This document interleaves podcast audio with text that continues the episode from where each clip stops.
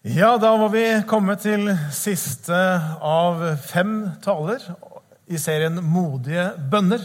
Vi snakker altså om bønn, og så forsøker vi å utfordre hverandre til å be kanskje litt andre bønner enn det vi veldig ofte ber. For jeg vet ikke hvordan det er med deg, men bønner blir veldig fort det å be for meg og mitt og mine nærmeste. At Gud skal velsigne, at vi skal ha det bra. Litt sånn som barn ofte ber.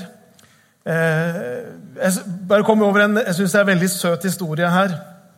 Fortalt av Tony Campella, som var da president Bill Clinton sin åndelige veileder. Og Han forteller om barnebarnet sitt, som ba kveldsbønn, som mange, gjorde, som, som mange gjør. Og eh, Så var det da en kveld hvor eh, denne gutten skulle opp på rommet sitt.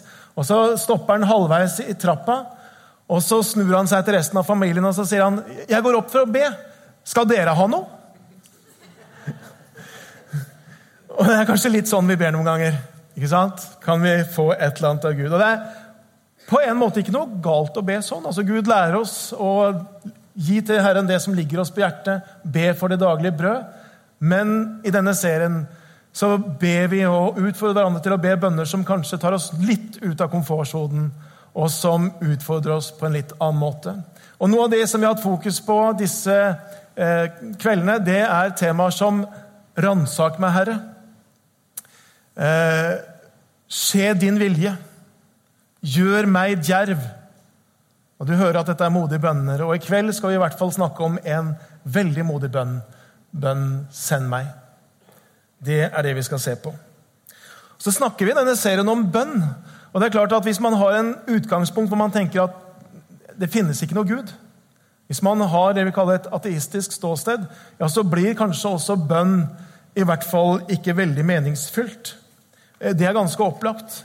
Men noe annet som faktisk også er en konsekvens hvis man tenker at det finnes ingen Gud, det er jo at det finnes, eller det er vanskelig å finne noen mening med livet. Noe som ateistiske filosofer og tenkere de er ganske ærlige på at når Gud på en måte blir borte, ja, så er det egentlig ikke noen dypere mening med livet. For eksempel så sier filosofen Bernard Russell følgende Om ikke man tenker seg at det er Gud, så er spørsmålet om meningen med livet meningsløs. Og den kjente biologen og ja, hva skal vi si eh, En som diskuterer ofte med kristne, i hvert fall. Han sier følgende, Richard Dawkins han sier følgende Det finnes ingen hensikt noen ond eller god, bare blind, nådeløs likegyldighet. Og så forfekter han et syn om blind evolusjon. Og sånn er det. Hvis man tenker at Gud er ute av bildet, ja, så dypest sett så blir også livet meningsløst. Og så har Bibelen og den kristne tro et helt annet perspektiv på dette.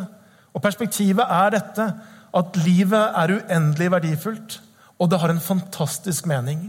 Fordi Gud han har skapt ethvert menneske, og han har skapt det til en hensikt og med en vilje og med en plan som ligger foran det. Og ikke bare sånn at Gud har en eller annen hensikt med menneskeheten, eller at Gud har skapt og så trukket seg tilbake, og så på en måte for det som skjer, skjer. Nei, Bibelen sier at Gud har en helt konkret plan for hvert eneste menneske. Gud har en plan og vilje for ditt liv og for mitt liv. Det er ganske fantastisk. Um, og sånn har det, La meg bare si det at eh, en eh, kvinne som ble frelst, eller ble kristen i denne menigheten for noen år siden, hun sa det sånn. Hun sa da jeg forsto at Gud hadde en plan for mitt liv, så holdt jeg på å eksplodere. At Gud hadde en plan for mitt liv, er jo helt vilt. Ja, Og sånn er det. Tenk det. Gud har en plan for våre liv. Og Sånn har det vært helt fra skapelsen. Eh, du ser at Med en gang Gud er ferdig med skapelsen, så inviteres mennesket inn til å være en del av hans plan. Og Hva er det første jobben Adam får, til og med før, Edam, nei, før Eva er der? Hva er det han får som oppgave? Jo, Gud har skapt alle dyrene, og så får Adam den fantastiske, vanskelige jobben å sette navn på alle dyra. Eh, og så det, kan det hende at dere jenter tenker at det var jo ikke så veldig stor oppgave. Men da skal dere huske på at Adam han måtte holde styr på køen, han måtte få orden i rekkene, Han måtte finne på alle disse forskjellige navnene. Det er ganske komplisert. Multitasking på et høyt nivå. Det er jo rart når det er en mann som setter navn på disse dyrene, at det ikke bare heter sånn dyr 1, dyr 2, dyr 3. Det tror jeg kanskje hadde falt i. Men han må også være kreativ på denne måten her.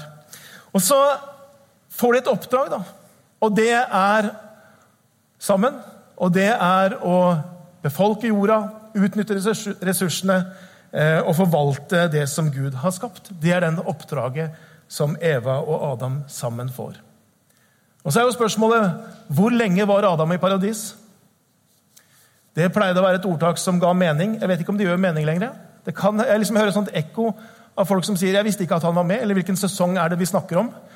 Eh, men det var altså et ordtak. Hvor lenge var Adam i paradis? Eh, og det var ikke så veldig lenge før det var et syndefall. Eh, og de falt, og de misbrukte Guds tillit. Og synd Dødskrefter kom inn i denne verden, og så er på en måte historien helt annerledes. Men så er realiteten det at Gud han har ikke gitt opp. Og fortsatt så på en måte ønsker han å involvere mennesker inn i sin plan. Og til å på en måte gå i hans vei. Og hva er det han ønsker? Hva er det som er Guds plan? Jo, Guds plan det er å se denne jorda her full av fred, full av rettferdighet og at hvert eneste menneske skal bli frelst. Det sier Bibelen er det som er Guds vilje. Og liksom For å få det til ja, så inviterer han mennesker inn i sin plan. Og han sier, 'Kan du gå denne veien? Kan du gå dit jeg sender deg?' For jeg har noe jeg vil bringe inn i denne verden her. Og så kaller vi det der, Når mennesker inviteres inn i hans plan, det kaller vi at Gud kaller mennesker inn i sin tjeneste inn til å gjøre hans vilje. Gud kalte Noah, Gud kalte Abraham, Gud kalte David, Jeremia i Det gamle testamentet. Jesus kaller sine disipler til tjeneste.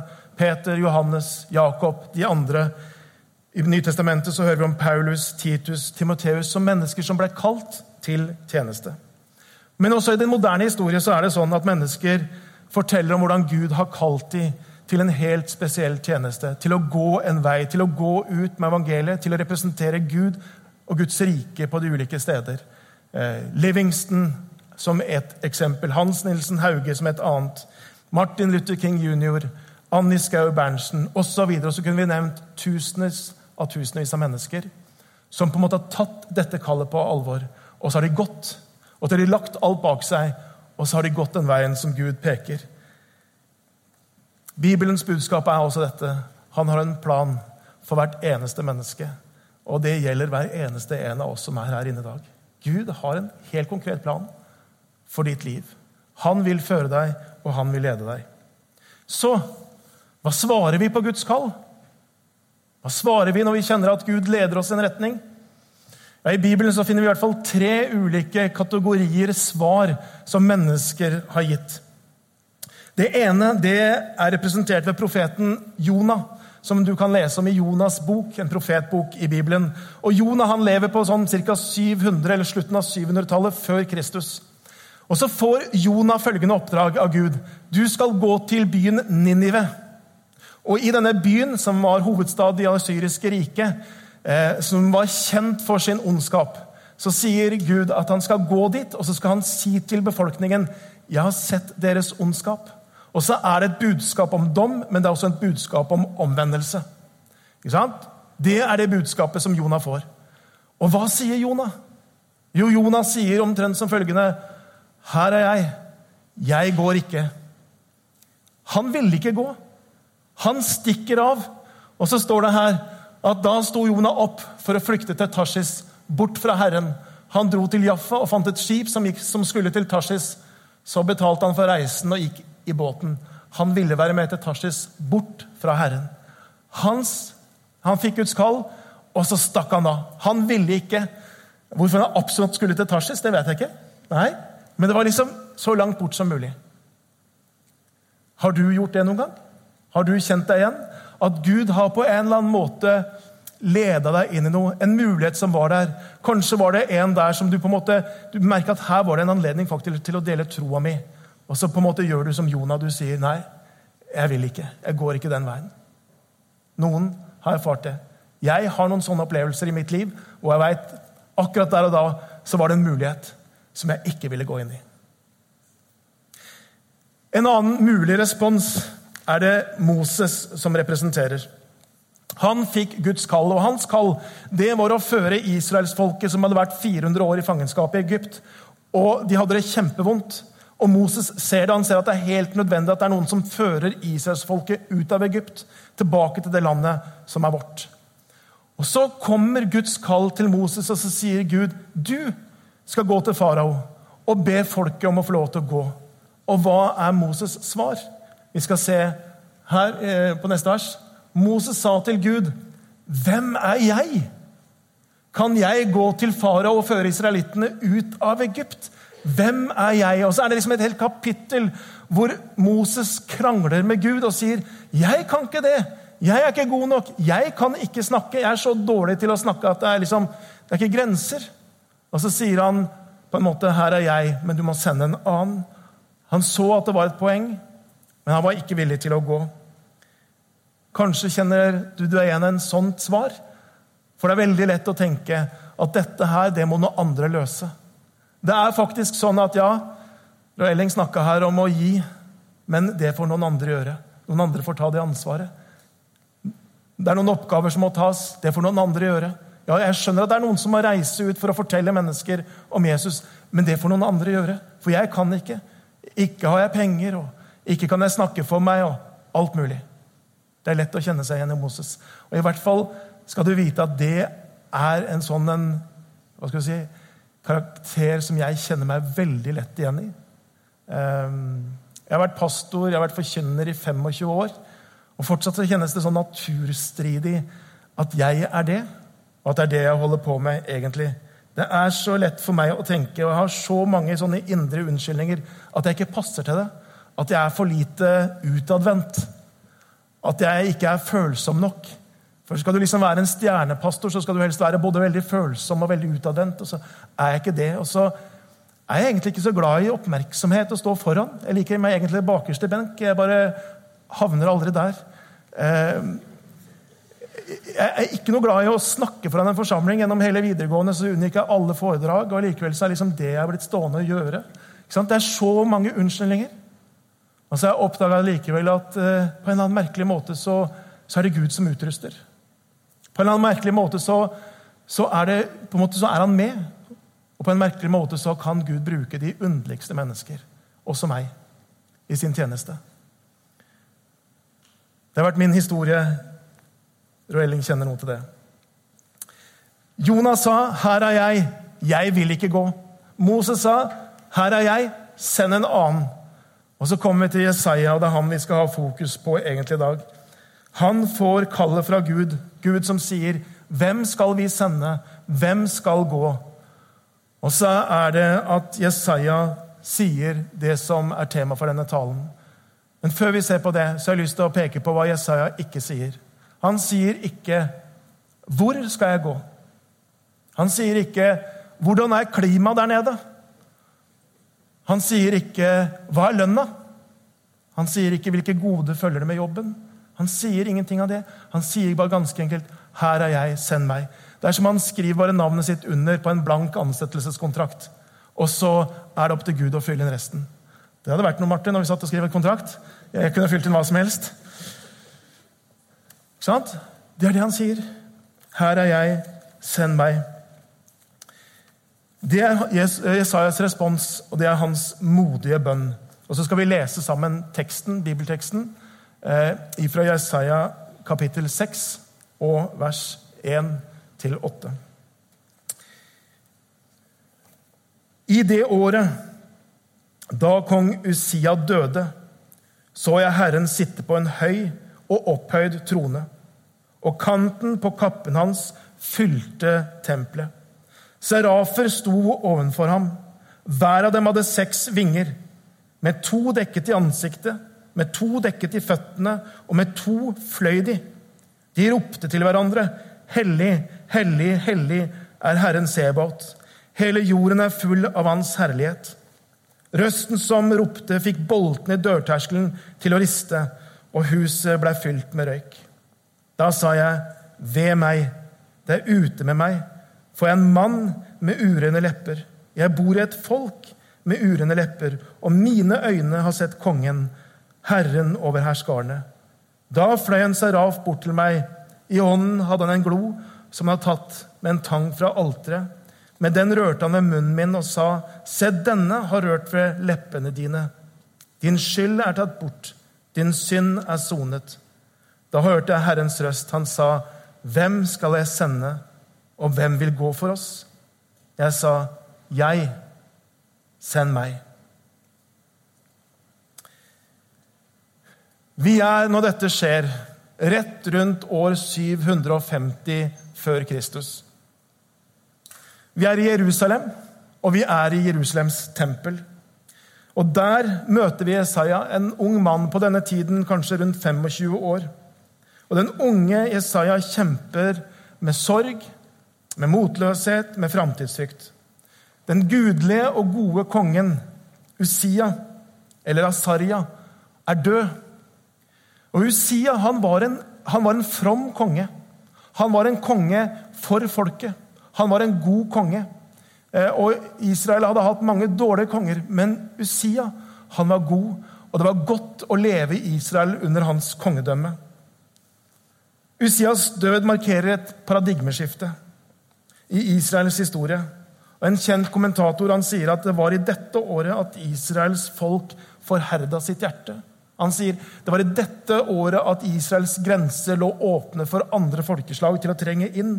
Det var i dette året Israel mista sin storhet. 750 før Kristus. Og i denne tiden, hvor mørke skygger henger over Israel, så er det at Jesaja ber denne modige bønnen. Her er jeg. Send meg. Og Så kan vi spørre hva er det som skjer i dette tempelet? Hva er det som skjer her? Og Jeg har lyst til å peke på tre erfaringer som Jesaja har, som jeg tror går foran at han kan be denne bønnen. Tre erfaringer. For det første så får Jesaja et dyptgripende møte med Gud. Det er det ene. Han får en dyptgripende erfaring med Gud. Det andre det er at Gud møter Jesaja på hans dypeste nød. Og for det tredje så opplever Jesaja Guds nåde. Og Så skal vi se litt på de tinga, og så kommer vi til hans bønn etter hvert. Men Jesaja han er også i tempelet for å be. Og Antageligvis så har Jesaja vært i tempelet mange ganger før, men denne dagen blir annerledes. Eh, og mens han er der, Det står ikke noe lenge hvor, han, hvor, lenge han har vært der, men han er der i tempelet. Og så er det som om en vegg eller vegger i tempelet på en måte faller ned. Og så ser Jesaja at han er, står og ser rett inn i himmelen. Og der i himmelen så ser han Gud sitte på trone. Han ser himmelske vesener. Han ser vingepåkledde himmelske skapninger. Serafer kalles de. Og så ser han alt dette inn i himmelen. Og så står det at det er på en måte en opplevelse som er så sterk og så kraftig at det på en måte det fyller alle hans sanser. Eh, han ser, han hører, han kjenner. Eh, det står Han beskriver det som om slepet av hans kappe fyller hele tempelet. Det er på en måte en sånn tyngde i denne opplevelsen eh, som Jesaja har der i Herrens nærhet. Kanskje har noen av dere smakt på noe av det der, hvor du har kjent at du er i Guds nærhet. Og så er det som om det blir litt sånn, nesten tungt å puste, for det er, det er på en måte en tyngde som er der eh, rundt deg, over deg. Og så er det noe av dette Jesaja opplever der i tempelet. Og så ser han at Gud sitter på tronen. Og så tenker jeg, Jesaja kommer, og så er han full av sorg og full av engstelse for hvordan situasjonen skal bli. og Det er så mange ting han bekymrer seg for. Usia er død. Og så tenker han ja, skal jeg bare gi opp alt? Har Gud mista kontrollen? Og så er det som Gud sier til han, vet du hva, jeg sitter på tronen. Jeg har kontrollen. Det er jeg som regjerer. Ja da, Usia, kongen, er død, men Herren lever. Og så tenker jeg Det er også et ord til oss i dag. Det er mange kristne, mange mennesker som tenker eh, Har Gud kontrollen? Eller på en måte, hvordan kommer dette til å ende? Og så tenker jeg det budskapet er det samme til oss. Gud sitter fortsatt på tronen. Han har fortsatt kontrollen. Han har på en måte hånd om det. Selv om ikke alltid det ser sånn ut, så kommer han til å føde til et punkt hvor han viser at Gud har kontrollen også over vår verden. Og budskapet som Jesaja hører, hva er det? Jo, han hører at serafene sier til hverandre, hellig, hellig, hellig er Herren Sebaot. Gud er den tre ganger hellige. Han som er annerledes, han som er opphøya. Det er sånn Gud er. Og jeg tenker at Det er også et budskap som er viktig i vår tid, og kanskje også i vår tradisjon. For i vår tradisjon, Misjonsforbundet, lavkirkelighet, så har vi veldig lett for å peke på Guds kjærlighet. At Gud er god. Vi har lett for å snakke om det intime på en måte fellesskap med far, med pappa. Eh, om å sitte på Guds fang, om Guds farshjerte. Og alt det er riktig. Men Bibelen viser oss også at Gud er på en måte mer enn det. Han bryter de kategoriene. Han er også hellig. Han er annerledes. Han er opphøya. Og Det perspektivet er det som kommer inn. Og jeg tror at det kan det være godt for oss å ha. For det er noe når du kombinerer de to tingene, Gud som den kjærlige, men samtidig som den hellige, som du står bare sånn i ærefrykt overfor, da blir faktisk det så mye mer viktig hva Gud mener om deg, enn hva mennesker omkring mener om deg. Da blir det så mye viktigere hva Gud sier i sitt ord, enn hva VG skriver i sine spalter. Det er noe med den helligheten, den ærefrykten for hvem Gud er. Jeg tror det henger sammen. Jesaja sin gudsopplevelse og det som vi ser er hans villighet til å gå. Og så ser jeg i hvert fall at i mitt eget liv så henger dette sammen på en sånn måte at i de periodene hvor jeg liksom minst, har vært minst lydhør for Gud, i de periodene hvor jeg mest har gjort min egen greie, i de periodene hvor jeg på en måte vet at jeg liksom unngår egentlig å gå den veien Gud peker, det er også de periodene hvor jeg på en måte har valgt distanse til Gud, hvor jeg på en måte ikke valgt å bruke tid med Han, hvor jeg har valgt å, å på en måte holde en type avstand. Og så gjør det noe med meg og min villighet til å gå. Kanskje er du der at du kjenner at du trenger et nytt møte med Gud. Kanskje trenger du å møte ham for første gang. Det kan godt hende. Det andre vi leser, det er at Jesaja i møte med Gud, så skjer det noe med ham. I kapittelet før, i kapittel 5, så hører vi hvordan Jesaja sier, og han er indignert over alt han ser rundt seg. Og det hagler med sånne pekefingeraktige ting. Han roper 'ved' over den ene og over den andre. Ved dere som legger hus til hus. Ved dere som, eh, som gjør en hel masse. Det er ved over den ene og den andre. Det er melodien til Jesaja. Og så kommer vi til kapittel 6, og så skjer det noe med Jesaja. Og så er det ikke lenger ved dem, men da er det plutselig ved meg. Og jeg tenker at Det er ingenting som er så lett om å peke finger til noen og påpekes andres skyld, andres fall, andres synd. Men når vi møter Gud, så skjer det noe med oss som gjør at vi får et annet fokus. Og så blir vi mer opptatt med våre egne feil og våre egne mangler. Ved dem het det før. Nå heter det ved meg. Det er ute med meg, sier Jesaja, for jeg er en mann med urene lepper og jeg bor blant et folk med urene lepper. Det mennesket som har fått et møte med Gud, er ikke så opptatt av å peke finger på andre og påpekes andres feil. Man har mer enn nok med seg sjøl i møte med Gud. Menneskets store problem etter Jesu korsdød er egentlig ikke synd, men det er vår egen stolthet. Og det at vi ikke vil erkjenne og bekjenne våre nederlag og våre feil og vår synd. Jesus har egentlig tatt hånd om synden, så det eneste vi trenger, er å komme til ham. Så når vi ikke gjør det, så blir vi bærende på det. Det er mange i dag som sier, jeg har hørt det igjen og igjen, så er det folk som sier hvis de har gjort noe som er kritikkverdig, hvis de har gjort noe som ikke er bra, så hører jeg igjen og igjen hvordan de sier ja, jeg må jo bare stå for det. Har dere hørt det? Folk som blir liksom tatt for et eller annet, og så sier de jeg må bare stå for det. Og så tenker jeg nei, det er jo en annen mulighet. Det er å si at det der det angrer jeg på. Det skulle vært ugjort. Det er ikke sånn jeg ønsker å framstå. Og så kan man erkjenne ting og bekjenne ting.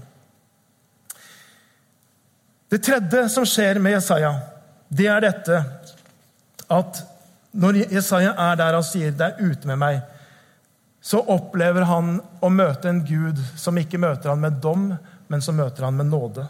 Jesaja forteller hvordan en seraf, et himmelsk vesen, tar en glo fra alteret og rører ved hans lepper og sier følgende.: Se, denne har rørt ved dine lepper. Din skyld er tatt bort. Gloen er henta fra alteret, der soneofferet på en måte hadde brent. Alteret peker fram mot Jesu korsdød. Det var der denne steinen, denne gloen, ble henta fra. Og så opplever Jesaja å bli tilgitt for alle harde ord han måtte ha slengt. For alle onde tanker han måtte ha tenkt. For alle egoistiske valg han hadde gjort for sine handlinger. Og så opplever han å bli fullstendig tilgitt. Denne har, leget, har tatt bort din skyld, og din synd er sona. Og så tenker jeg det er fantastisk. Det er fantastisk å oppleve det, å bli tilgitt. Det er fantastisk å oppleve at du kommer der med alle dine nederlag, og så får du høre akkurat dette.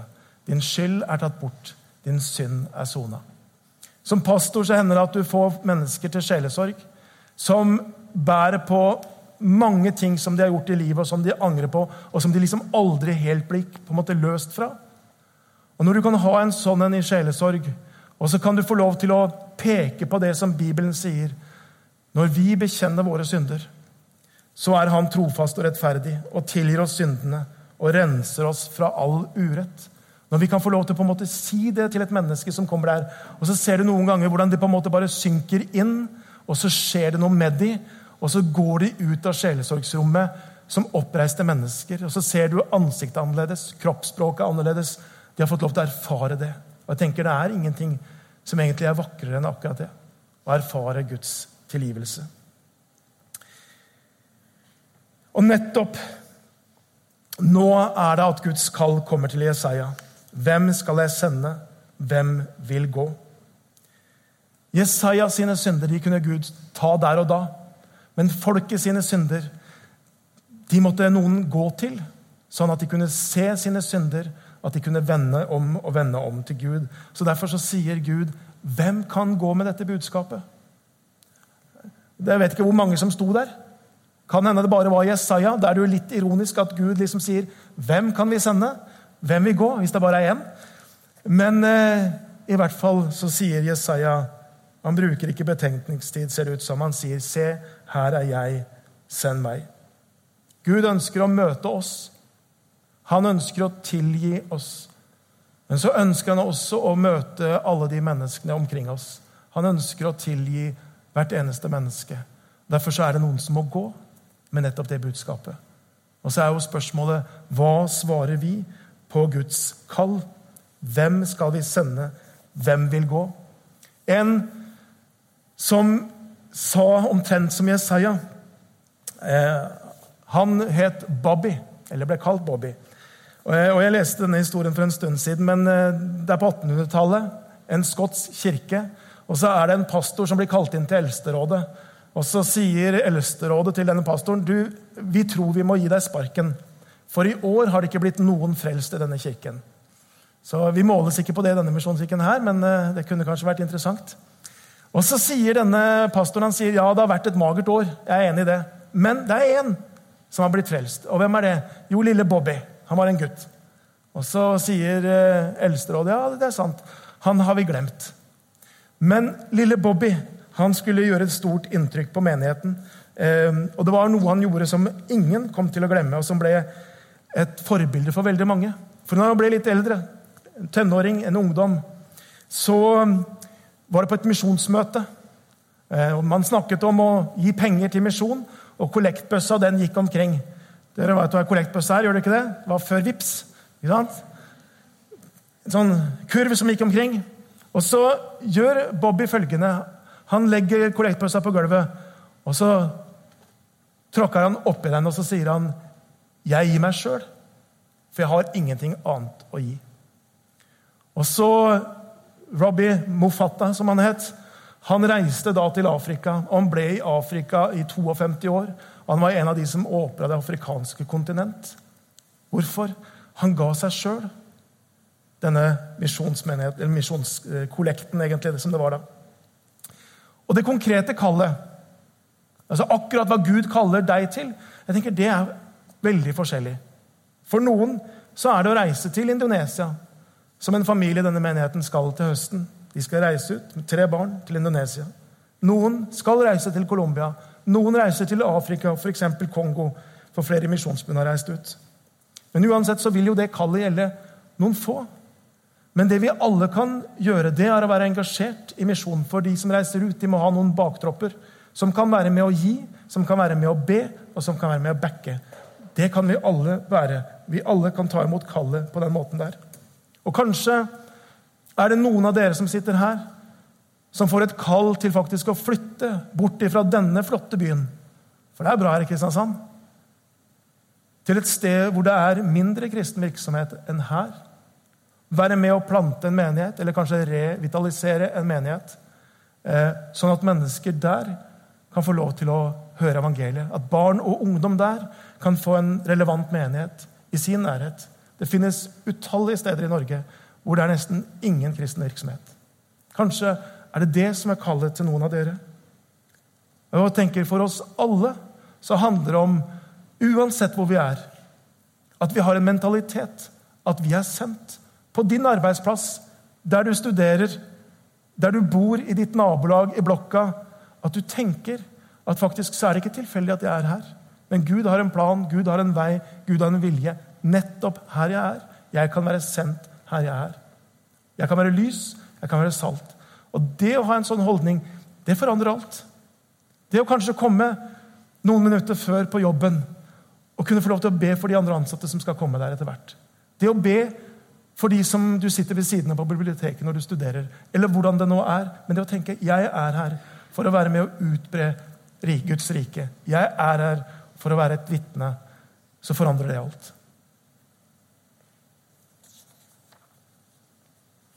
Jeg vet noe om hva sånn, sånn spesifikt som er mitt kall. Jeg vet noe om hva Gud har kalt meg til.